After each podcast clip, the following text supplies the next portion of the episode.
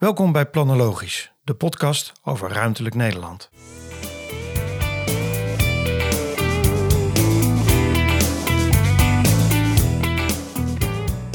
Westland heeft een grote voorkeur voor grondgebonden woningen.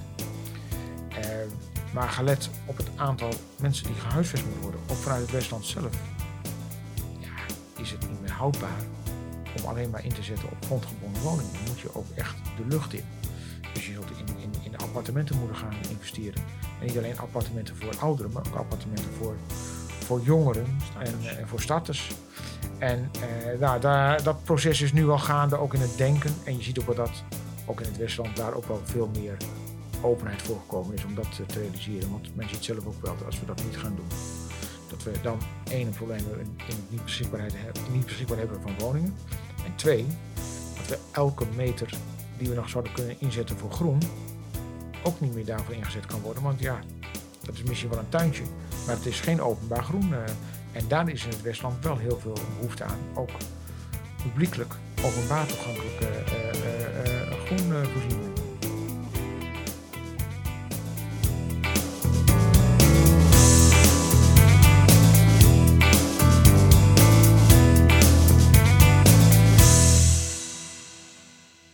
Nou, dag allemaal en welkom terug bij een nieuwe aflevering van Planologisch, de podcast over ruimtelijk Nederland. Mijn naam is Sandro Slepčević en ik ben hier vandaag met mijn collega en eh, een gast. Maar ze zijn allebei bekenden voor mij. Ehm nou, zullen we even beginnen met eh, de collega. Mijn naam is eh, Bart Kooijman, eh, inderdaad de collega van, van Sandro. Ehm, ik mag hier sinds kort ook directeur zijn van een prachtig adviesbureau. Ehm, en ik kijk enorm uit naar deze podcast ook, omdat we inderdaad een interessante gast hebben die jij vast kunt introduceren. Zeker fantastisch, want eh, kijk, wij als Dietsers hebben vinden het natuurlijk heel leuk om in gesprek te gaan met elkaar over onderwerpen eh, in Nederland en binnen het ruimtelijk domein en ook eh, daarbuiten. Maar eh, één ding is beter dan daar onderling over in gesprek gaan. Dat is met mensen uit het veld, met gasten daarover in gesprek gaan. Ehm, en in dat kader hebben wij vandaag een eh, gast uitgenodigd. Iemand met heel veel bestuurlijke ervaring. Iemand die in een hele mooie gemeente mag werken.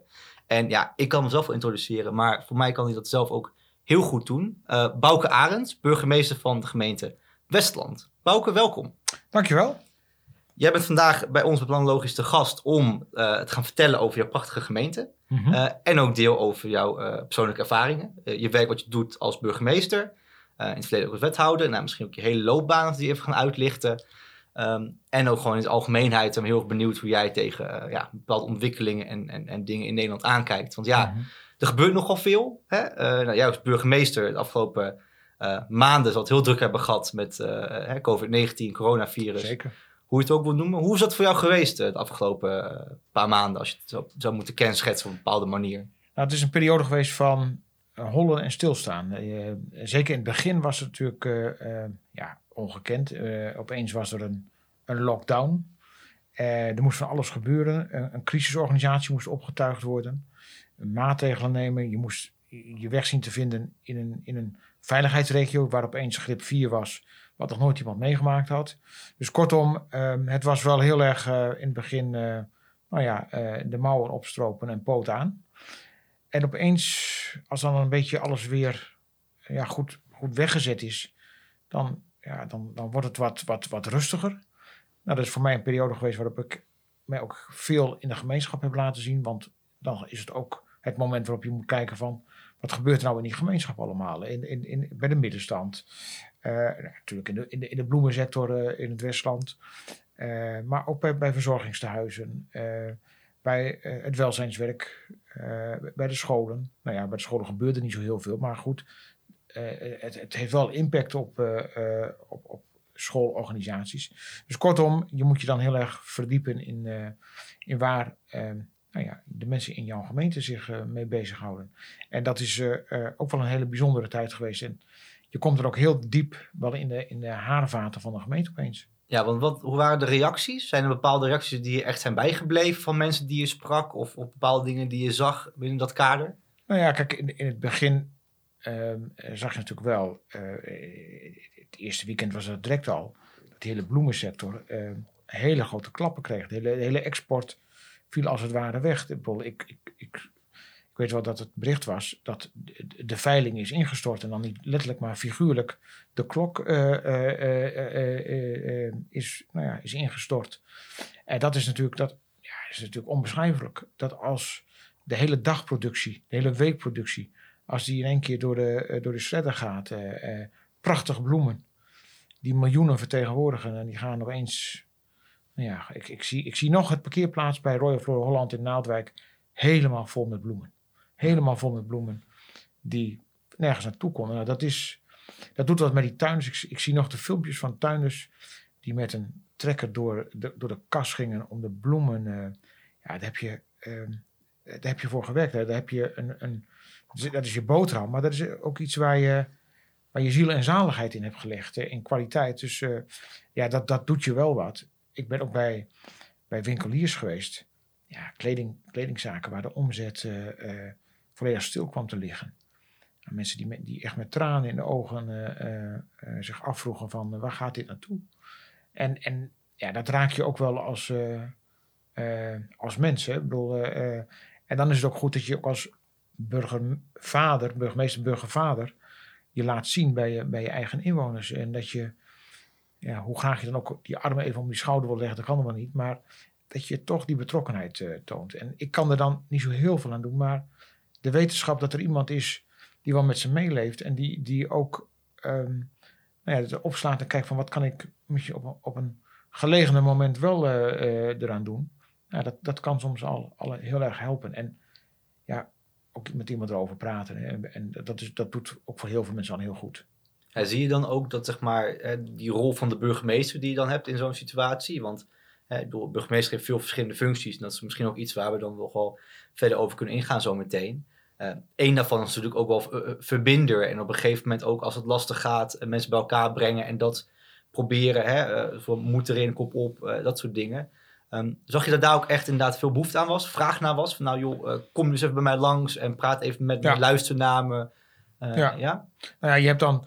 Kijk, in, in, in deze coronacrisis zijn, zijn twee dingen, eh, eh, zeker in, de beginperiode, die van belang zijn. Dat is eh, de, de rol van de burgemeester als crisismanager en de rol van de burgemeester als burgervader, als verbinder. En die zijn eh, beide ontzettend belangrijk. En eh, nou, daar, daar moet je dan ook volop eh, op investeren en voor gaan. Want ja, daar, daar, daar zit je dan op dat moment ook voor. Kijk, je hoeft niet op dat moment ambassadeur te zijn voor je gemeente, want dat, dat, dat is even helemaal stilgekomen te vallen. Je hoeft ook niet, nou ja, andere rollen te doen. Maar juist die, die, die burgervaderrol, die is wel heel erg van Ja, belang. het, het super lokale, het meest lokale. Ja. Ik vraag me ook even af, hè, want het is natuurlijk werkbezoeken brengen als burgervader en burgemeester. Is natuurlijk juist in deze tijd hè, dan heel erg belangrijk om te doen. Hoe bent u omgegaan met het feit dat het niet mogelijk was in eerste instantie in de eerste maanden in maart, april naar verzorgingshuizen toe te gaan? Nou ja, eh, kijk, ehm, dat was aan de ene kant misschien wel heel erg makkelijk. Want het advies was, of eh, je mocht er gewoon niet in. En of je nou eh, eh, familielid van, van, van een eh, verzorgende bent, of van ja, iemand die daar verzorging nodig heeft, of dat je de burgemeester bent, je komt er gewoon niet in. Dus, dus je kon daar nou ook niet zo heel veel direct doen. Je hebt dan wel contact. Ook de, ik heb ook wel de wethouder zorg natuurlijk in de positie gezet van neem je ook je verantwoordelijkheid naar, naar, de, verzorgingstehuizen. Ehm, en wat wat mooi was, op enig moment kwam er een initiatief vanuit de lokale gemeenschap om bij een, een groot aantal verzorgingstehuizen in het Westland kastjes eh, neer te zetten. En eh, ja, Westland kassen. Eh, wat, hebben, wat waren die kastjes nou? Dat waren ja, gewoon, gewoon tuinhuisjes van glas, waar wij net zoals als we hier zitten eigenlijk, mensen komen dan op bezoek bij degene die daar woont. Het, in het kastje, daar kun je met elkaar praten, kun je elkaar zien. Je kunt de hand tegen het glas doen. En tegelijk is het glas eh, zodanig beschermend dat niemand eh, hoeft te vrezen voor gezondheidsklachten. Nou, en je zag dat dat ja, in heel veel opzichten aan, aan een behoefte voldeed. eh, want mensen zagen elkaar weer. mensen kwamen dicht bij elkaar, hoorden stemmen. het glas, de hand tegen het glaswandje. Ja, dat, dat, dat is toen natuurlijk best wel wat. Ja. Ook met, met, met mensen die in die verzorgingshuizen zitten. En die amper bezoek kregen, of die geen bezoek konden krijgen. Ja, dat is natuurlijk, je voelt je wel erg opgesloten in, in, in, in zo'n huis. En hoe goed de verzorging daar ook is, Maar ieder mens heeft toch wel een beetje behoefte aan nou ja, even, even een persoonlijk eh, contact. Een prachtige vorm van gemeenschapszin natuurlijk ook. Precies. eh, en, ja. En hoe is het dan, want dit, inderdaad, dit is dan de ene stap eigenlijk inderdaad hè, omlaag, nog lokaler, binnen je eigen gemeente wat er allemaal gebeurt. Aan de andere kant zie je natuurlijk ook hè, ehm, dat heel veel dingen gebeuren binnen veiligheidsregio's. Jullie ook als gemeente natuurlijk dan binnen Haaglanden. En, en nou, er is veel, eh, ja, ik denk de afgelopen maanden ook heel veel gesprekken en discussies geweest over hè, veiligheidsregio's en, en hoe ze ingesteld in de structuren. En nou ja, een van de veel gehoorde dingen inderdaad, we hebben een crisis. En nou, normaal is het een structuur gemaakt voor vier, vijf dagen crisis en dan moet je weer af, afschalen. Nu zit het al maanden in de crisisstructuur. Ehm, dat zijn lastige dingen. Eh, nou, en ik kan me voorstellen dat bijvoorbeeld binnen Haaglanden je ook zit met een grote gemeente zoals Den Haag, hè, die allemaal wat meer een stempel drukken op, op, op hè, beeldvorming in de zin van, nou, eh, grote stad, druk op elkaar, uh, we moeten weer omgaan. En dat bijvoorbeeld voor gemeente Westland het ook wel anders is, want je hebt misschien meer kleine kernen, je hebt het verdeelder. Mhm. hoe, hoe is die relatie geweest, ook binnen de veiligheidsregio tot nu toe? En, en hoe heb je dat ervaren? Nou, ik moet zeggen dat, dat, dat de samenwerking binnen de veiligheidsregio eigenlijk vanaf de eerste dag dat ik überhaupt met de veiligheidsregio te maken kreeg, heel erg prettig was.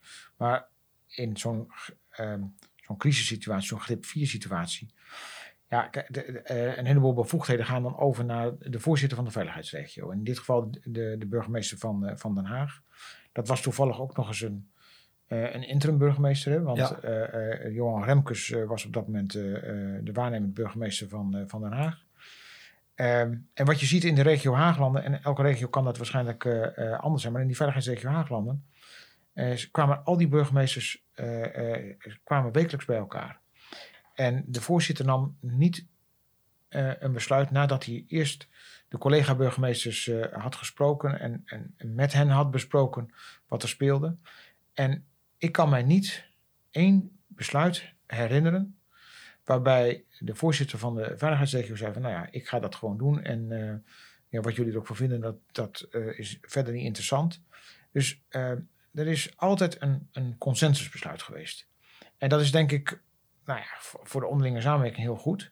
Dat geeft ook het gevoel dat al die gemeenten, en Westland met 110.000 is natuurlijk een stuk kleiner dan Den Haag met, met 600.000.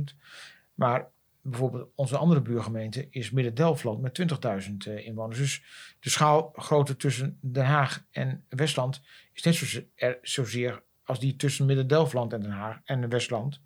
Dus eh, ja, je moet daar toch- ook, eh, op, ehm, ja, ook als bestuurder op een menselijke manier mee omgaan. Nooit op macht een besluit nemen. Want dat is het meest dodelijke wat je kan overkomen. En eh, nou ja, dat, dat is denk ik eh, nou, heel goed eh, opgepakt binnen de regio Haaglanden door, door, door het bestuur van de veiligheidsregio. Maar jullie zeggen van, nou, er zijn consensusbesluiten gemaakt, dus jullie waren het ook wel eens oneens met elkaar dan. Nou, nee, maar kijk, eh, eh, eh, kijk burgemeesters praten over veiligheid, eh, openbare orde. En het was, zeker in het begin, bij iedereen was het helder. We moeten deze crisis handelen. We moeten zorgen dat eh, eh, het aantal ziektegevallen niet op, het aantal besmettingen niet oploopt. Dat het aantal mensen wat opgenomen wordt in, eh, in de ziekenhuizen, dat we dat goed kunnen handelen. Dat was voor iedereen, eh, eh, ja, stond als een paal boven, maar er was helemaal geen discussie over. En er zijn ook geen, geen, geen voorstellen geweest waarbij er hele grote eh, tegenstellingen waren en zo, dat je zo naar een consensus toe gaat. Eigenlijk. Ja, en eh, ik kan me niet herinneren dat er één moment is geweest, en zeker in de beginperiode niet, maar ook in, in de loop daarna eigenlijk niet, waar je heel veel eh, eh, verschillen van inzicht had. Eh, wat je nu wel ziet, nu komt het Rijk met aanwijzingen aan een aantal eh, veiligheidsregio's. En daar zie je wel dat, ja, dat nu wel wat meer, ja, toch wel, hoe zou ik het zeggen? Ja, er komt al wat meer scherpte in de discussie. Ja, hoe ziet, hoe ziet dat eruit dan, dat proces? Nou ja, kijk, je, je, eh, eh, het, het Rijk neemt generieke maatregelen. Terwijl je in de regio ook kijkt van ja, wat is nou precies het probleem voor deze regio? En hoe zouden we dat in deze regio kunnen oppakken? En eh, eerlijk gezegd had ik niet het idee dat de, de problematiek in de regio Haaglanden niet opgelost had kunnen worden binnen de regio Haaglanden zelf zonder een aanwijzing van het Rijk. Heel simpel gezegd, Den Haag moet gewoon, die moeten wel die extra maatregelen, eerder Nee, dicht. nee, dat in Westland, laat ons maar met rust. Nee, dat zeg ik niet. Ik zeg alleen maar, wij hadden in de regio Haaglanden de problemen die zich voordeden heel goed met elkaar op een adequate manier kunnen oppakken. En daar hadden we niet de aanwijzing voor het Rijk voor nodig gehad, zoals die nu zijn afgegeven. Wat was er dan anders besloten mogelijk? Nou ja, kijk, je, je moet dan ook denk ik gewoon goed kijken waar zijn nou de, de waar komen de problemen eh, uit voort en hoe kun je die eh, ehm, ja, eh, tackelen. En dan moet je altijd in de gaten houden dat als ik in een regio hier druk, dat ik het risico heb dat het daar omhoog komt. Hè. Dus, Ja, dus waterbedeffect bijvoorbeeld in de zomerperiode of in het begin zeker, zeker hebben we natuurlijk problemen gehad met, met, met toegang, toeloop naar het strand. Iedereen wilde naar het strand in het begin. Eh, eh. nou ja, dan, dan als het in Scheveningen druk wordt en ze gaan het afsluiten, dan is de verwachting dat het ook eens naar het Westland kan overlopen. Maar we hadden ook nog te maken met het feit dat de grenzen aan de andere veiligheidsregio, de Hoek van, eh, Hoek van Holland, is de gemeente Rotterdam. Dat is onze andere buurgemeente. Eh, en, en daar zit in de, in de eh, veiligheidsregio Rotterdam-Rijnmond. Dus ook daar moet je nog mee dealen. Eh, en nou, dat, was, dat hebben we best wel eens een keer als spannend ervaren. Van wat gaat daar gebeuren? eh, eh, eh, en hoe anticipeer je daarop dat je daar, eh, eh, nou ja, dat je, dat je daar die overlast over, niet, niet gaat eh, creëren? Nou, dat zijn, wel eens, dat zijn wel eens de momenten geweest waarop het wel eens wat, nou, toch wel eens wat spannend is geweest. Maar voor- Maar- ja. ja, sorry. Maar ja, voor de rest ben ik eigenlijk even de, vraag kwijt waar we over begonnen zijn. Maar Nou ja, maar voor mij zie je wat- hè, dat, dat waterbed-effect zie je voor mij op wel meer, meer plekken gebeuren. Ik, bedoel, ik woon zelf in Amsterdam, dus ik heb veel te maken met Amsterdam-Amsteland. Of nou ja, gewoon alleen maar. Ehm nou, het ook een gemeente waar wij onder andere ook bij eh, veiligheidsregio waar wij bij betrokken zijn. Als het gaat om advisering en communicatie ook eh, in, in het proces. Dus we zien ook wel van die kant veel dingen, eh, ook vanuit de, binnenkant. En ehm, nou, een van de dingen die ik nu heel typisch vind, is inderdaad dat waterbed-effect krijgt. Eén bericht wat ik van AT5 me kan herinneren van, van gisteren nog. Dus dat nu bijvoorbeeld allemaal trouwerijen die in Amsterdam gepland waren, nu allemaal naar Zaanstad vertrekken. Eh, omdat ze nu naar 50 man is gegaan van 100 man. Maar ja, dan, je, je zit bij zo'n 10 kilometer verder. Ja. Eh, en daar kan het dan wel. Dus dat soort, eh, ja, hoe ga je nou over met dat soort dingen om? Dat vind ik dat ook wel Ja. lastig. En dat is eh, denk ik ook niet iets waar eh, u meteen antwoord op heeft. Maar wel iets wat, ja, wat, dat, Nou die ja. regionale verschillen en het geschuif Ja. is wel echt lastig. Precies. Nou, weet je, wat je natuurlijk wel ziet, is überhaupt is Nederland zodanig qua omvang dat het regionaal ehm, ehm, oppakken van problemen soms wel wat lastiger is. Want ja, de, mobiliteit is hier zodanig, de afstanden zijn zodanig klein, dat het heel erg verleidelijk is als het in Amsterdam niet zou mogen, dat je eigenlijk ook best wel naar, naar Groningen zou kunnen uitwijken. Eh, nou zie je natuurlijk wel dat in al die studentensteden in Nederland, dat daar eh, eh, het aantal besmettingen is opgelopen. En je, moet dan ook, zou ook moeten kijken van ja, hoe zouden we dat nou met studentenverenigingen eh, kunnen oplossen. En ik vind dat bijvoorbeeld de collega in Delft, Marja van Bijsterveld, daar echt hele goede stappen heeft gezet.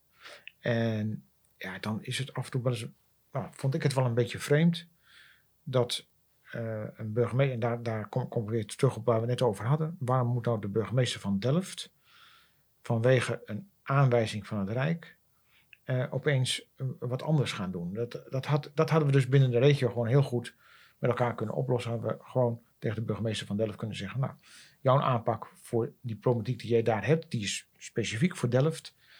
Eh, als jij daar nou mee, mee, gaat doen zoals je denkt dat het goed is.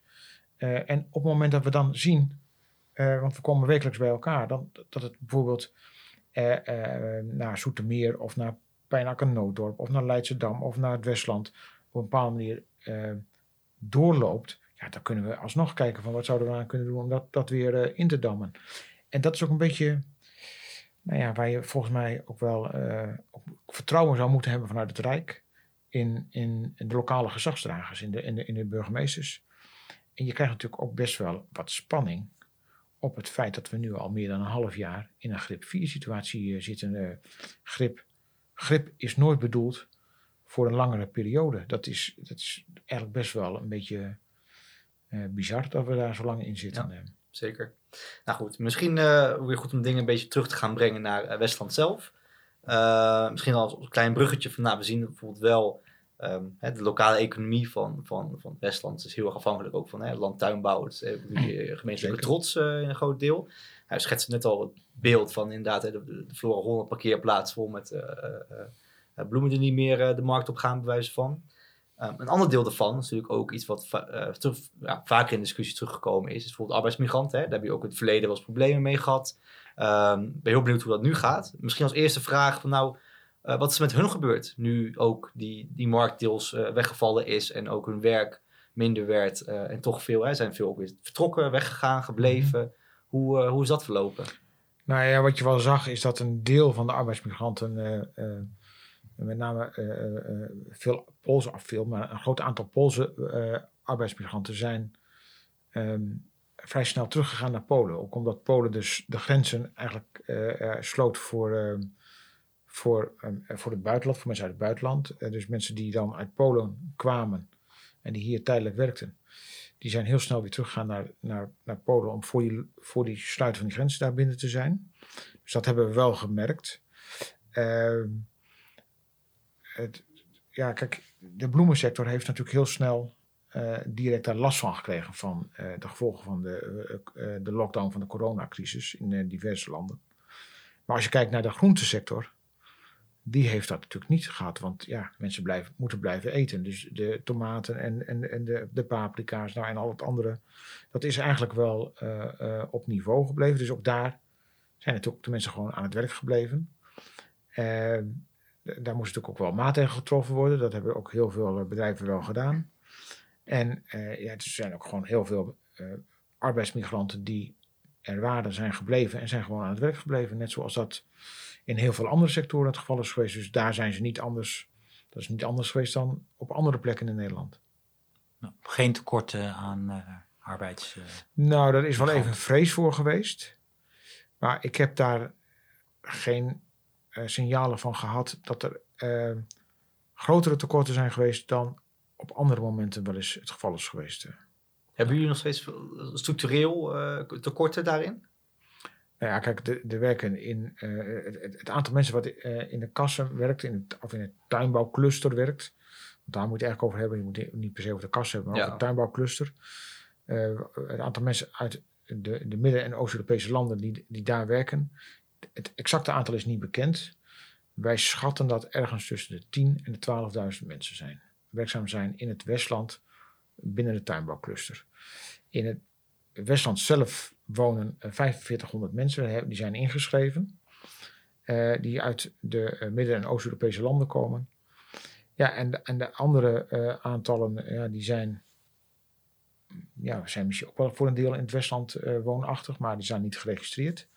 En die zijn voor een deel afkomstig uit de omliggende gemeenten. Ja, hoe, ja. en hoe zit dat? Want dat hadden we inderdaad uh, hè, ook in het kort naar gerefereerd. Mm -hmm. Wil jij daar ook iets over zeggen, Bart? Nou ja, ik, ik weet dat er in het verleden natuurlijk um, op een gegeven moment heel veel te doen was met internationale uh, bemiddelingsbureaus. Hè, ja. Die uh, grote groepen arbeidsmigranten begeleiden en ook um, huisvesting zochten. Al dan niet via inleners, maar soms mm -hmm. ook gewoon zelf.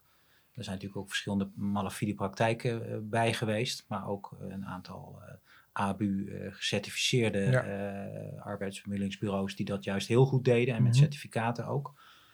Um, tien jaar verder ongeveer, 10, 15 jaar verder, hoe, hoe staat dat nu met die huisvestingen? U gaf net aan van ja. er zitten verschillen in.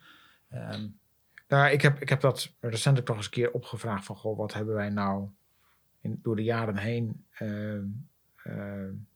gedaan, en, en, maar dat hebben we ook geregistreerd. Uh, uh, en bijvoorbeeld uh, tien jaar geleden, toen, nou, of iets, iets korter, zo, acht jaar geleden, toen is, zijn we begonnen met een, met een convenant dat er in het Westland 2000 arbeidsmigranten gehuisvest zouden moeten worden. En ik heb gevraagd van, goh, geef mij eens een beeld van hoeveel mensen stonden nou in, in 2012 geregistreerd uh, in, het, in het Westland als uh, arbeidsmigrant. Dat waren er ongeveer 2700. En eh, eind vorig jaar waren dat er, eh, begin dit jaar waren dat 4500. Dus je zou kunnen zeggen, we hebben in die tijd nog 2800 eh, mensen gehuisvest. Eh, dat is natuurlijk wel voor het merendeel gewoon in, in, in de wijken, in de buurt, in de dorpen gebeurd. Eh, vaak in eh, eh, eensgezinswoningen, eh, die dan eh, nou, gesplitst worden in, in, in, in een aantal kamers. Er zijn ook eh, een aantal ehm, eh, ehm, hotels voor arbeidsmigranten geopend. Er zijn een aantal. is een, camping is omgebouwd tot een, een plek waar arbeidsmigranten eh, gehuisvest wo- worden in, in units. En we zijn volop bezig om te kijken van ja, hoe kunnen we daar nu nog meer invulling aan geven. Het is een, het is een weerbarstig dossier, want ehm, het is net als met elke andere doelgroep eh, die je in grote getalen ergens gaat huisvesten. En ik heb dat ook wel in, in mijn vorige gemeente, waar ik wethouder ben eh, geweest, eh, gemerkt. Dat als je een bepaalde groep ergens wilt gaan huisvesten, dan krijg je altijd weerstand in de buurt. Want er zijn altijd beelden over van dit, dit geeft overlast enzovoorts. Het is dan wel de zaak dat je als overheid het ook heel goed begeleidt. Dat je eh, flankerend beleid daarbij hebt. Dat je daar eh, eh, goed overleg met de buurt hebt. waarbij de politie betrokken is. Waarbij het, het welzijnswerk betrokken is. Maar dat je ook gaat kijken van als je nou ergens een grote concentratie van, van, van mensen neerzet. wat is daar allemaal omheen georganiseerd? Hè? Als je alleen maar dozen stapelt waar mensen dan in kunnen slapen. En je hebt dan geen, geen ontspanning eh, te bieden. Ja, dan, dan, dan is het ook niet logisch dat op enig moment eh, door, door verveling wel eens wel wat, wat misgaat. eh.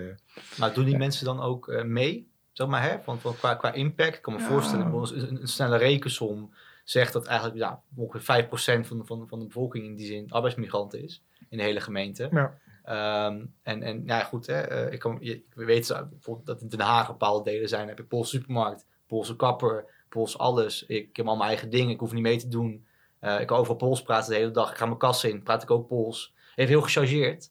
Ehm, maar wat voor impact heeft dat? Hè? Doen, doen, Nou doen mensen mee? Eh, eh, deels wel en deels ook niet. En kijk, als jij hier naar Nederland komt met het oogmerk om voor drie of vijf maanden of zes maanden hier te werken, ja, dan, dan investeer jij niet in de Nederlandse taal. Je investeert ook niet in het opbouwen van een netwerk in Nederland. Ehm, als je, de, er zijn ook een heleboel eh, eh, mensen uit, eh, uit Polen en andere landen die al veel langer in, hier zijn en die, hebben een vast arbeidscontract, die hebben een, een eigen woning, koop of huur. Dus die ga- waar gaan de kinderen gaan naar de school in de, in, de dorpen en de wijken. Dus daar is natuurlijk veel meer een drive om een onderdeel te worden van de samenleving. En dat zie je ook gewoon gebeuren. Dat die dat daar, daar eh, eh, eh, bij de vrijwillige brandweer in, in het Westland zijn mensen die met, met een Poolse achtergrond. Dus kortom, het gebeurt wel. Alleen het heeft wat te maken met voor welke tijd kom je hier naartoe.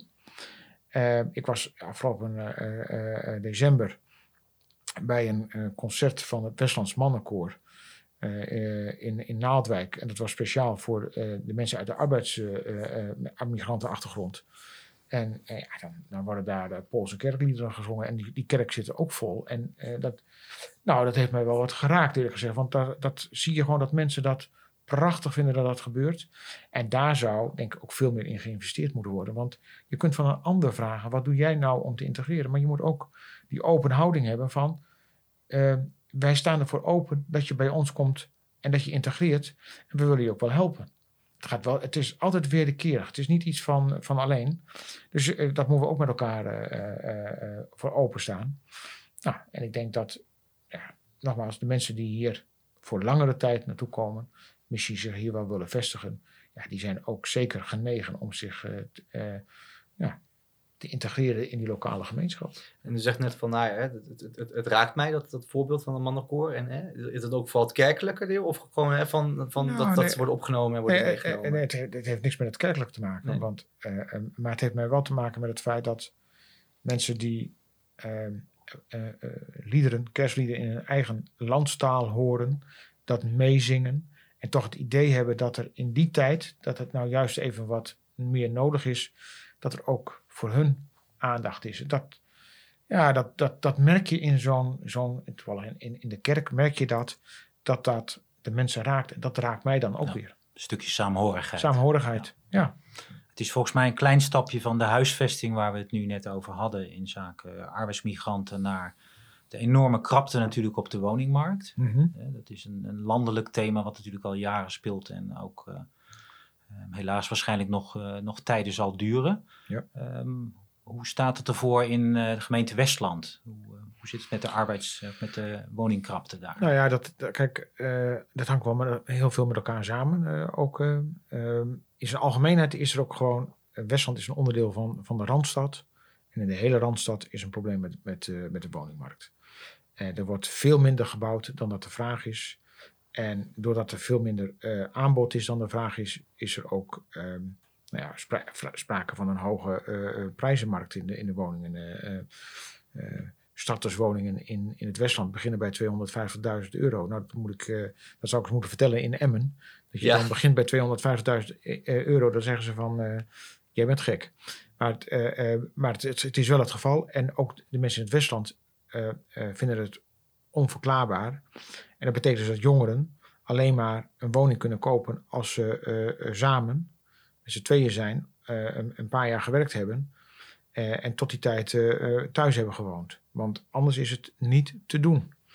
En dat is natuurlijk echt best wel, wel onzinnig. Dat die, dat die woningmarkt zodanig overspannen is dat het, nou, het bouwaanbod geen gelijke tred houdt met de vraag aan, naar woningen. Dat heeft ook wat te maken natuurlijk met het feit dat ook eh, woningbouwverenigingen ehm, nou ja, op een bepaalde manier beknot worden in wat ze nog kunnen doen. Ehm, wat dat betreft, we hebben natuurlijk de uitwassen gehad. Daar zijn zulke stringente maatregelen op getroffen.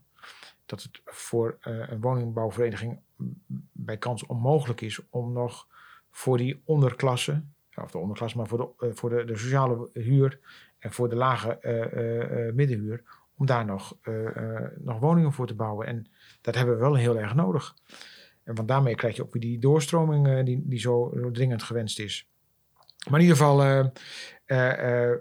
het feit dat, dat je ook een deel van je woningvoorraad wordt opgekocht om die beschikbaar te stellen voor arbeidsmigranten.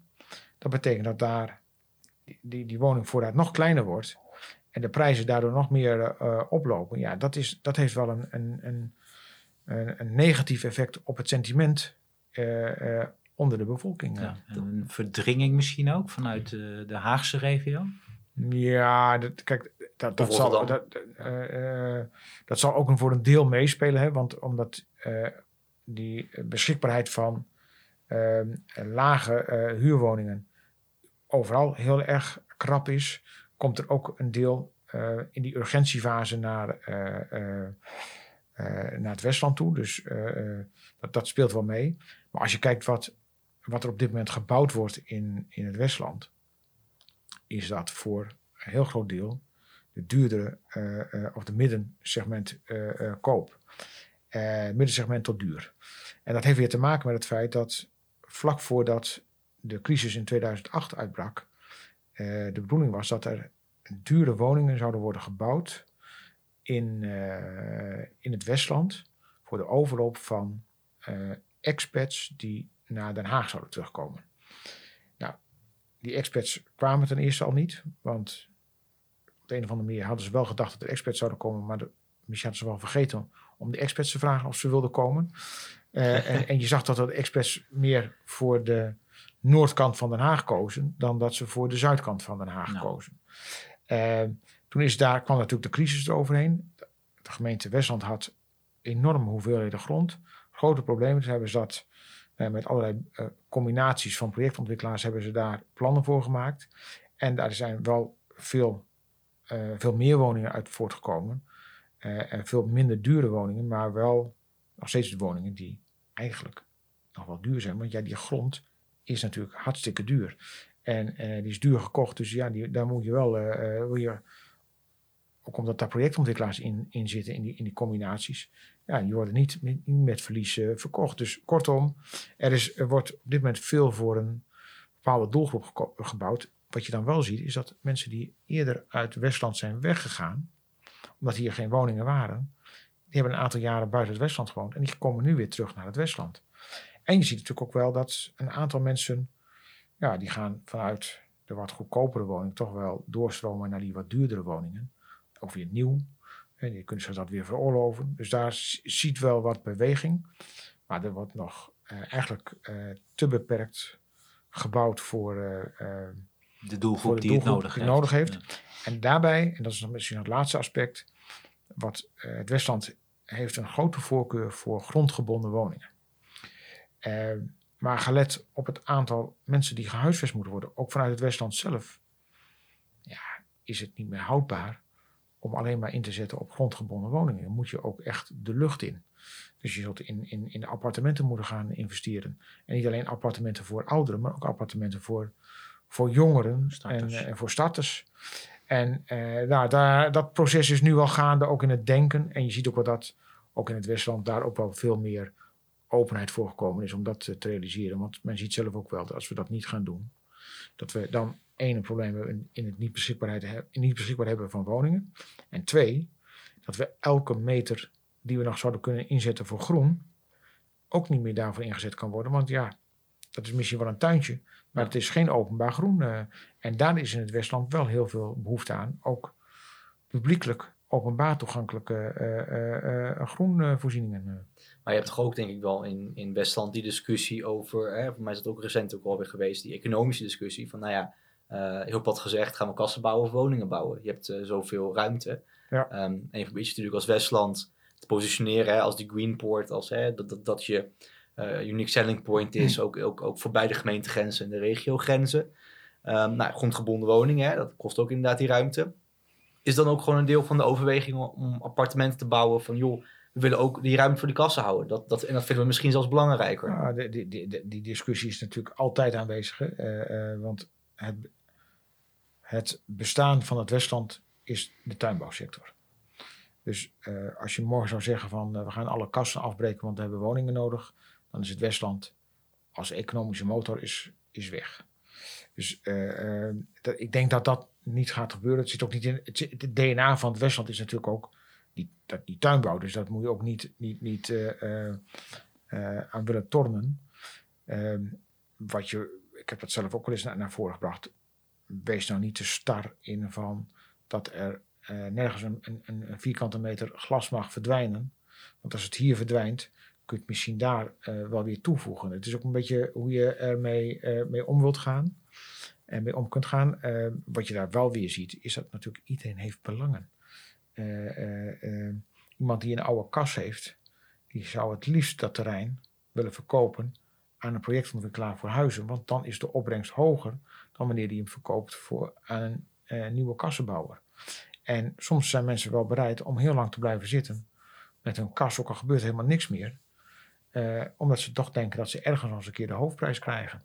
En eh, ja, daar moeten mensen soms ook aan wennen dat dat absoluut niet het geval is. En welke rol spelen jullie dan als gemeente daarin? Moet je ook niet eigenlijk zeggen van nou joh, jongens, leuk en aardig die, die, die waardes, maar er moeten gewoon huizen gebouwd worden. Ik bedoel, als ik het over mezelf heb, ik zit in de categorie eh, starter met een middeninkomen, maar ik kan geen, eh, kan, ik woon in Amsterdam, dus ik maak het mezelf heel moeilijk. Maar eh, ik kan geen woning krijgen. En als ik dan bij wijze van zo horen, kijk god, zelf word ik dan, eh nou, vind ik wel een grappige parallel met hè, die, die arbeidsmigranten. Ze zeggen van nou, worden huizen opgekocht ehm, voor de arbeidsmigranten. En dat doet wat met het draagvlak en het sentiment binnen zo'n gemeente. Om de populatie in, in negatieve zin. Nou ja, leuk met Amsterdam, denk ik, de expats daar. Niet aan, aan de bovenkant, die dan eh, helemaal met de belastingkorting huizen kunnen kopen. Ehm, waardoor die prijzen ook omhoog gaan. Doet het ook wat met het draagvlak. En dan, Ja. ik eh, vind dan ook eh, dat, dat heel vervelend. Ja. Ehm, dus ik zou ook wel eigenlijk willen zeggen tegen mijn gemeentebestuur: van nou joh, jongens, leuk en aardig, maar eh nou, voer gewoon een woonplicht in. Dat doen ze nu ook wel deels. Hoe kijken jullie dan tegenaan in Westland? Moest je niet als Nou, gemeente daadkrachtiger optreden? Nou ja, we, we, eh, eh, eh, eh, het afgelopen twee jaar dat ik nu in Westland zit, heb ik gezien dat de wethouders daar verschillende instrumenten voor hebben, die, die er zijn, hebben, hebben benut. En dan heb je het over eh, eh, eh, een, een, een, woonvisie. je hebt het over het feit dat er, eh, er geen eh, eh, eh, splitsing van, van woningen in, eh, in verschillende kamers mag plaatsvinden. Eh, het het criterium. Het feit dat je eh, eh, een paraplu-bestemmingsregeling hebt geregeld waarbij je eh, eh, eh, geen, geen, geen eh, eh, huizen meer voor eh, eh, meerdere be- bewoningen mag, eh, meerdere eh, bewoning door meerdere mensen mag, mag laten plaatsvinden. Dus er worden wel instrumenten benut om te zorgen dat je, ehm, nou ja, eh, projectontwikkelaars of, of huisjesmelkers, hoe je het allemaal maar noemen wilt, eh, eh, oneigenlijk gebruik maken van de, van de bestaande vo- woningvoorraad. Ehm, maar dan moet je tegelijkertijd wel zorgen natuurlijk ook dat je dan ook initiatieven gaat ontwikkelen om die arbeidsmigranten wel op een ehm, humane wijze te huisvesten. Want laten we ook eerlijk zijn, er zijn soms situaties van huisvesting ehm, waar je ook de tranen van in de ogen springen. eh, en zo zou je ook niet met mensen om moeten willen gaan. Maar goed, dat moet je dus dan ook als gemeente oppakken. En, want een gemeente die, eh, eh, die zoveel belang heeft bij die sector, die moet ook de verantwoordelijkheid nemen voor de huisvesting van de mensen die daarin eh, in werkzaam zijn. Ja, en eh, kijk, eh, je kunt natuurlijk met, eh, met je bestemmingsplan een hele hoop gaan doen. maar je moet dus ook het antispeculatiebeding daarin heel goed in, de gaten houden. Dus kortom, je hebt voldoende argumenten, je hebt een heleboel instrumenten en die kun je op, op verschillende manieren inzetten. Maar je moet altijd bedenken, de overheid is altijd reactief in dat soort zaken. En wat de overheid bedenkt, de, eh, de inwoner is altijd slimmer dan de overheid. Oh, dat vind ik een mooie. Eh, Dat kun je niet verder uitleggen? Nou ja, wij, wij bedenken wat binnen bestaande regelgeving. Maar er zit altijd wel ergens een, eh, een, een ontsnappingsclausule voor, eh, voor inwoners. Dus eh, ik zeg ook altijd maar, er is maar één bedrijfs, be- eh, beroepsgroep die denkt dat de besluiten precies zo uitgevoerd worden als dat ze eh, eh, genomen worden. Dat, is, dat zijn politici. Ja, u gaf net al iets aan wat eigenlijk duidt op de mondige burger hè, in deze tijd. Ehm, als u nu kijkt binnen de gemeente Westland en dan ehm, ook naar het college en de raad. Ziet u dat dan ook terugkomen in het Westland? Nou ja, wat je natuurlijk wel ziet, dat die, die, die, die, eh, de inwoners weten steeds beter de politiek te vinden. En weten ook heel goed van wanneer het effectief kan zijn om die politiek ook goed in te zetten. En eh, wat je natuurlijk ook wel ziet, is dat de politiek af en toe wel eens geneigd is om eh, het deelbelang misschien wel eens boven het algemeen belang te zetten. En dat zie ik eh, breed in Nederland. Hè. Dat zie ik vanaf Haaksbergen tot aan Westland en vanaf Emmen tot aan, nou ja, Goes? Goes. Dus eh, kortom, eh, dat is wel een vraagstuk eh, waar je, eh, nou, waar ik wel eens wat, wat zorgen bij heb. Want eh, je ziet wel, de ombudspolitiek eh, wordt tegenwoordig erg als, als voorbeeld genomen van hoe je nou met, met de burger om kunt gaan. En ik ben veel meer zelf van, van, van de school van wees nou helder van wat je eh, met elkaar eh, wilt en wat van elkaar kunt verwachten. En ik denk ook dat de politiek, of de, de, het publiek verwacht van het politiek en zeker ook van het bestuur, dat die helder maken van dit gaan we doen, eh, dit gaan we met elkaar bespreken. We kunnen best wel op, op, op, nou, op onderdelen nog wel wat veranderen, maar het, wees er nou wel helder in wat je kunt verwachten van elkaar. Want anders dan, ja, dan word je ook wel misschien wel een beetje een speelbal van, van belangen. En kan er ook een situatie ontstaan dat er helemaal niks meer gaat gebeuren. Want er is altijd wel iemand die ergens tegen is. En ja, eh, eh, ik ben nog van de school. eh, het algemeen belang gaat voor het groepsbelang. En het groepsbelang gaat voor het individueel belang. En uh, Bouke, jij uh, uh, noemde ook al een paar keer Emmen in je voorbeelden. Uh, misschien is het ook wel leuk om te vertellen. Van, nou goed, Bart zegt volgens mij heel loyaal heet het u. Voor mij blijf ik het jij zeggen. Wij kennen elkaar ook al wel een tijdje. Mm -hmm. dat komt ook uit Emmen. Ja. jij was daar lang wethouder. ik ben daar ooit als broekje binnengekomen en ook nog ooit als raadslid geworden. En vier jaar mogen zijn. met jou toen als wethouder, ik toen als raadslid. maar in dezelfde coalitie. Um, een van de dingen die ik me heel goed herinner uit, uit jouw tijd in Emmen, hè, is toen uh, het hele verhaal rondom uh, No Surrender speelde natuurlijk. Mhm. Uh, hè, de, de, de motorbende die, die in Emmen wel een, redelijke impact hadden binnen het criminele circuit, laten we het zo zeggen. Um, en dat ook wel een keer heeft doorvertaald naar de raad en college, ook naar jou persoonlijk. Um, ik weet nog dat wij wel sessies hadden over hè, ondermijning en wat voor effect. En dat was nog voor mij voor het zo geëscaleerd was. En we weten natuurlijk um, ik weet niet of iedereen dat weet, maar jij hebt natuurlijk ook persoonlijke bedreigingen gehad. Um, wil je daar eens wat over vertellen en, wat voor impact dat heeft gehad voor jou? En ook misschien ook, uh, hè, heeft dat ook misschien bepaalde dingen uh, uh, teweeggebracht die je ook hebt meegenomen nu, nu je burgemeester bent? Nou ja, wat, ehm, ik, ik, ik, hoef niet zo heel veel meer over te vertellen, want heel veel is natuurlijk wel daarover bekend. Wat voor mij wel heel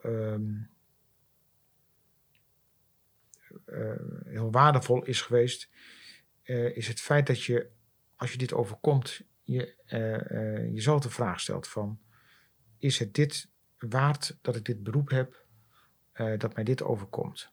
Ja, want, even voor het beeld, jij werd bedreigd omdat jij local burgemeester was en wilde handhaven en wilde optreden tegen nou, niet, bende, niet, niet, wilde handhaven, ik, ik, ik, ik handhaafde. Ja, handhaafde. Dus, ja, dus ja, nee, terecht, het, het, het, clubgebouw is gesloten. En omdat het illegaal gebouwd was, is het clubgebouw afgebroken. Omdat er uh, uh, een heleboel dingen gebeurden ja. die uh, niet door de beugel konden in dat clubgebouw. En nou, dat, op een gegeven moment kwamen daar zeer ernstige bedreigingen naar mijn adres uit voort. Waardoor ik een aantal weken in het buitenland heb moeten verblijven. nou, en dan stel je jezelf de vraag ehm, is het dit nu waard om daarvoor in de publieke, voor de publieke zaken werkzaam te zijn? En daar denk je uh, eens even heel goed over na. Daar heb je ook met je, met je partner en met mijn vrouw heb ik daar heel veel uh, gesprekken over gevoerd. En zowel mijn vrouw als ik zijn allebei wel van het, van het type van uh, als je meer tegen ons aan gaat drukken, dan worden we eigenlijk nog onverzettelijker. En ik heb voor mezelf de, de keuze gemaakt van ik laat mij niet opzij zitten. Eh, eh, eh, dus dat is voor mij eigenlijk de motivatie geweest om in het, de publieke zaak, voor, de, voor de publieke zaak actief te willen blijven. En nou, dat ben ik als wethouder gebleven. En, en dat ben ik, daarom ben ik nu ook, of ben ik nu ook burgemeester, maar dat is ook voor mij de keuze geweest om te zeggen, ik wil ook wel ergens een keer burgemeester worden. En, nou, en voor mij is van belang dat bestuurders uh, ook een bepaalde onverzettelijkheid moeten hebben. Uh, je moet niet uh, bij elke tegenwind opzij gaan. Je moet voorop staan, gaan in de strijd. je moet helder zijn. Je moet duidelijk zijn. En daar waar het heel erg lastig wordt, ja, moet je je verantwoordelijkheid ook da daar nemen.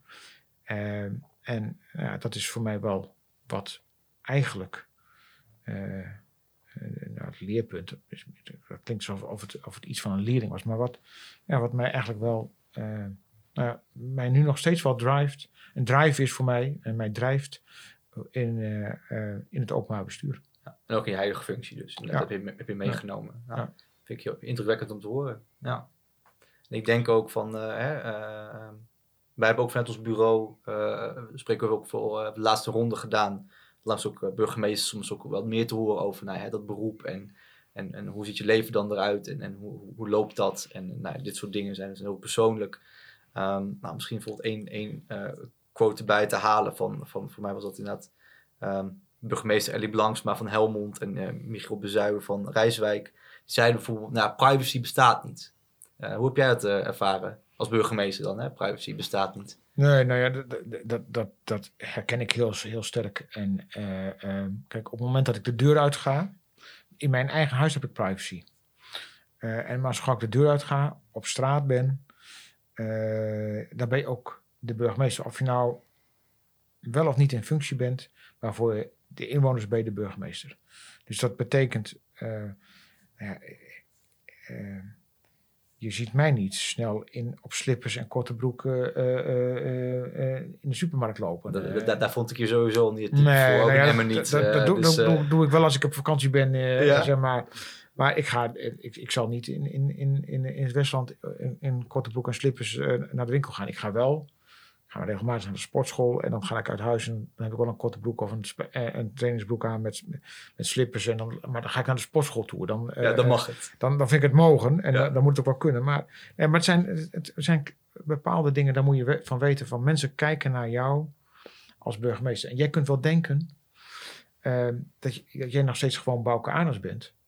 Eh, maar, maar zo zien de mensen jou niet. Ik, een voorbeeld, eh, toen ik wethouder was in Emmen, ehm, toen ben ik begonnen met eh, het huldigen van sporters. En die kwamen gewoon op mijn kamer. Dus dan had je- moet je Ja, denken klopt. van, Ja. Dan moet je denken dat iemand van een jaar of tien wordt Nederlands kampioen bij de jeugd. eh, en eh, nou, die komt dan naar mijn kamer toe. nodig ik daarvoor uit. krijgt dan een bosje bloemen, een cadeaubon en een plaatje, foto voor de krant enzovoorts. En vader en moeder komt dan mee. Vaak komt opa en oma mee, broertje en zusje. de trainer. Nou, en, en soms wel eens ooms en tantes. Ik heb wel eens groepen gehad, die waren soms met twintig man. En, en soms was het wel met, met vijf man. Maar eh, voor een heleboel mensen is dat de eerste keer dat ze verder komen in het gemeentehuis dan de publieksbalie. Ja. En die komen een beetje op hun zondags naar het gemeentehuis. Want die komen op de kamer van, van de wethouder. En jij denkt misschien als wethouder, maar weet je, het is wel heel gewoon dat je hier bent, want ja. eh, maar voor hen is dat volstrekt uniek. En die zijn ook een beetje zenuwachtig. En vooral de wat oudere generatie is wel wat zenuwachtig. Die kindertjes zijn Ja. over het algemeen wel, wel redelijk ontspannen. Die rennen eh, rond en, en, die, en die zijn vrij uit, flappen eruit. En als jij dan een beetje het ijs breekt, dan komt het vanzelf wel ook wel met de oude generatie. Maar voor die ouderen is toch het bezoek aan het gemeentehuis is eigenlijk uniek. En die zien er nog tegenop. Die zien tegen, tegen een wethouder op. En als je dan burgemeester bent, is het helemaal, eh, eh, sta je er helemaal wel heel erg ver boven. Dan is het zaak dat jij er gewoon even naar beneden komt, hè, als het ware. Maar je moet er wel van bewust zijn eh, dat mensen naar op een bepaalde manier naar jou kijken. En dat je daar ook een beetje eh, aan tegemoet moet komen. Een burgemeester in, een, in een korte broek en slippers heeft straalt weinig gezag vanuit. Ik denk dat daar de gemiddelde burger het mee eens zal zijn. Ja. Ehm, als je nou even terugkijkt op de afgelopen twee jaar, wat, wat heeft dan als burgemeester op u de grootste indruk gemaakt? in welk opzicht? eh? Nou, wat heeft de meeste impact gehad als eh, vanuit het ambt van burgemeester zijn? de meeste impact. Nou ja, dus, eh, die coronacrisis heeft natuurlijk heel veel impact, ook op een samenleving. En dan zie je ook wel eh, wat dat met de samenleving doet. In alle facetten. En eh, het raakt het bestaan van mensen. eh, eh, mensen die, die, die een bedrijf opgebouwd hebben. En dat, dat nou ja, de angst hebben dat te zien wegvallen. Mensen die niet meer met hun dierbaren in contact kunnen komen. Dat, dat, dat, ja, dat, dat heeft wel impact op, op, op hoe je daar hoe je als bestuurder daarmee om moet gaan. Ja. Misschien nog even, hè, u heeft het uitgebreid over de gemeente Westland gehad. Eh, we hebben het over de veiligheidsregio gehad. Ehm, we hebben het nog niet over de metropoolregio gehad, Rotterdam-Den Haag.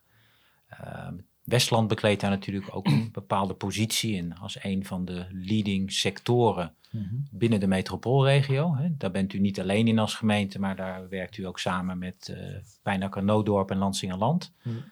Uh, wat is nou de positie van gemeente Westland, maar ook van de twee andere gemeentes en van de sector binnen de metropoolregio? Nou ja, kijk, uh, ten eerste, uh, Westland is ehm, de zevende gemeente van Zuid-Holland. Het is uh, de derde gemeente in de regio Haaglanden. En het is volgens mij de uh, vierde gemeente in de metropoolregio. Dus dat, die positie betekent überhaupt al wat. Uh, en die moet je ook als Westland claimen. Maar wel op een manier van, in de zin van, wij nemen onze verantwoordelijkheid voor die positie. Dat is één. Twee is, Westland is als tuinbouwsector ja, de leading gemeente in die tuinbouwsector. En ook dat, dat vraagt uh, om een leidende positie van, van deze gemeente. En wat eh, er is wel een beetje een haat-liefde met de metropoolregio. Want het wordt ook wel een beetje gezien door, de, door, door de gemeenschap en door ook wel door de gemeenteraad van ja, ze willen, ze willen het Westland inlijven, Rotterdam, Den Haag enzovoort. Nou, ik heb geen enkele aanwijzing dat, dat men dat wil.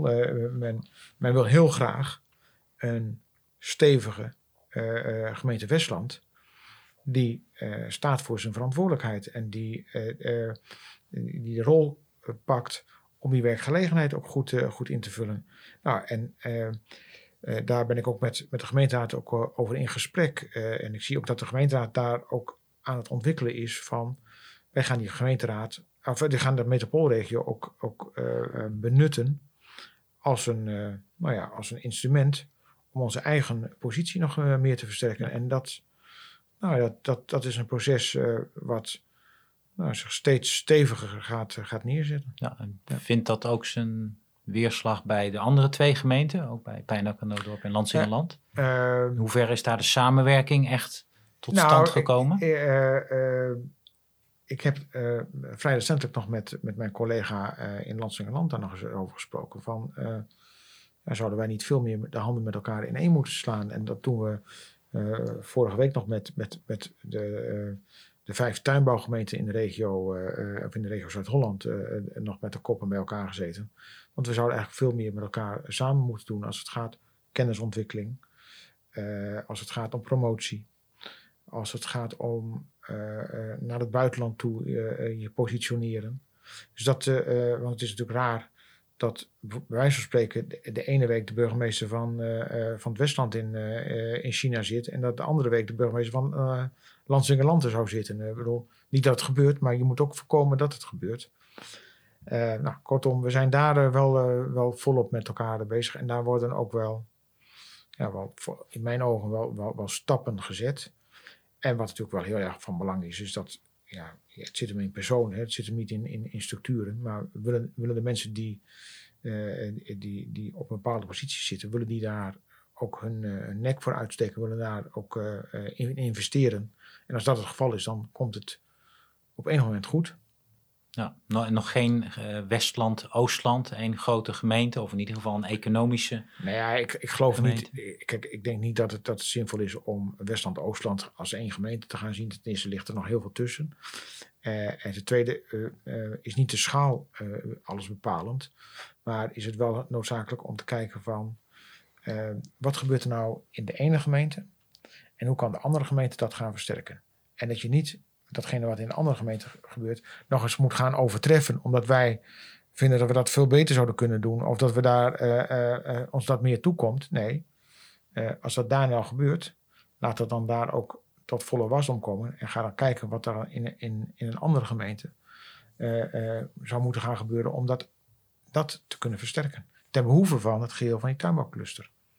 En dat maakte ook dat de positie natuurlijk van de tuinbouwsector binnen de metropoolregio ook steviger wordt nog. Ja, ja. en, en uh, laten we eerlijk zijn, er wordt natuurlijk heel veel uh, geld verdiend in die sector. En dat levert een hele belangrijke bijdrage aan het bruto nationaal product van, van Nederland, maar zeker in de regio. En ik denk dat na de haven, het tuinbouwsector in de regio, de, de grootste bijdrager is aan de het bruto nationaal product in de regio. En ook een stukje reputatie natuurlijk. Ook. Ook belangrijk. Ook, belangrijk. Nou, Bouke, ik denk dat er heel veel uh, goede dingen en interessante dingen zijn gezegd uh, over Westland en over, over uh, nou, wat er allemaal gebeurt. En dat ook hele, hele goede lessen zijn, misschien ook voor, voor andere plekken in Nederland. Eén ding wat ik wel gewoon, ja, gewoon moet vragen, ja, is het in Westland?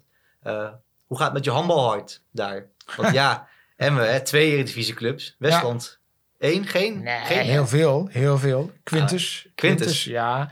Quintus Dames, die vorig jaar uh, heel ver zijn gekomen in, ah. uh, uh, in, in Europa. Oh, kijk. en dus oh, Quintus, ja. Quintus ja. Heren natuurlijk. Ja. Je hebt ook nog Westlandia, handbalvereniging. Maar Quintus is toch wel ja, de, de, die het hoog speelt. Eredivisie. Beter dan ENO? ja, ja, oh kijk, kijk. Ja. Weet je dochter dit als je dit... Oh ja, die speelt niet meer bij 1 Nee, mijn dochter speelt niet meer bij 1 nee, nee, maar, onze schoonzoon ja. speelt toch wel bij 1 oh, hier in 1. Oh ja, ja. Dus, uh, Weet hij dit? Uh, nou kijk, uh, Quintus is um, als eerste geëindigd eh, afgelopen jaar in de competitie. En ENO is volgens mij tweede of derde geworden. Dus dan eh, kun je, eh, alleen daarom al kun je al zeggen van Quintus is beter. Durf jij wel als eh, Quintus uitspeelt eh, tegen 1-0 in Emmen, dan eh, op de tribune voor Quintus te juichen? Ik wel. Ja. Ik eh, ga ook wel eh, eh, naar wedstrijden van Quintus. Ik ben ook bij de, de handbalwedstrijd Quint, Quintus ENO geweest, heren. ja. En dan heb ik, ben ik natuurlijk voor Quintus. Was in Emmen of in Westland? Nee, het was in Westland. Oké, ja, Dus, precies. dus, dat durf ja, dus, Ja, ja, ja. dus, en ik moet, als ik met toeval in Emmen ben en Quintus zou daar zijn, dan zou ik er ook naartoe gaan. Ja, begrijp ik. En dan zou ik ook voor Quintus zijn. Dan Kijk, ik ben nu burgemeester van het Westland, dus ik ben je- alleen, ben wel heel erg blij dat eh, Westland geen betaald voetbalclub heeft. Want dan kan ik gewoon voor FC Emmen blijven. Ja, dat, dat vind ik een goeie. Ja, ja, we kunnen ook al voor het hele Easy Toys verhaal beginnen, maar dat laten we misschien achterwege. Maar eh, nee, ja, god, ook bestuurlijk denk ik dat eh, met FCM het ook... eh dat ze zeggen, zonder betaald voetbalclub wordt het bestuurlijk ook soms wat makkelijker. Zeker met eh FCM kennen we nog wel wat verhalen. Dus de keuze ADO Den Haag eh, Emmen, die hoeft wel of niet Nou, gemaakt die- te Die worden. hoeft niet gemaakt. Dat is FC Emmen. eh, en het is ook wel mooi dat in het bestaan van FC Emmen in de, in de eredivisie... eh ADO nog nooit van Emmen heeft gewonnen. eh. Nou, Waarvan akte. Waarvan Waarvan akte. Heel goed, heel goed. nou, Bouke, ik denk dat het een hele leuke podcast was. Echt eh, fijn om, om je als gast te hebben en om, eh, om al die verhalen te horen. Bart, Zeker. Eh, in- interessant om te horen inderdaad van de gemeente, van de regio, van de veiligheidsregio.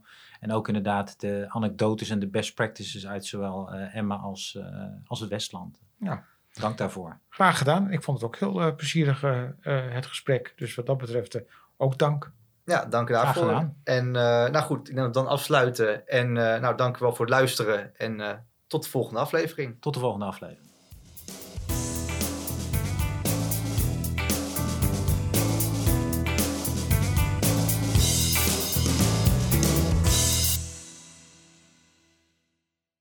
Dankjewel voor het luisteren naar Planologisch, de podcast over ruimtelijk Nederland. Vond je dit een leuke podcast? Dan zouden wij het enorm waarderen als je een positieve recensie achterlaat. Planologisch wordt ontwikkeld door Diets Strategie en Communicatie uit Utrecht. Wil je meer weten over dit onderwerp of over ons? Ga dan naar diets.nl of vind ons op social media onder Diets.